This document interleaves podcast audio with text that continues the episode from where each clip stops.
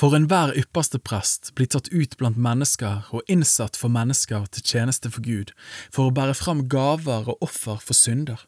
Han kan være medlidende med de uvitende og villfarne, siden også han selv er underlagt skrøpelighet, og derfor må bære fram syndoffer, ikke bare for folket, men også for seg selv.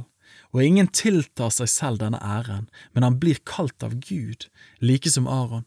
Slik har heller ikke Kristus seg selv den ære å bli ypperste prest, men han som sa til ham, Du er min sønn, jeg har født deg i dag. Likeså sier han også på et annet sted, Du er prest til evig tid etter Melkisedeks vis. Han har i sitt skjøds dager, med sterkt skrik og tårer, båret fram bønner og nødrop til ham som kunne frelse ham fra døden, og han ble bønnhørt for sin gudsfrykt. Ennå han var sønn, lærte han lydighet av det han led.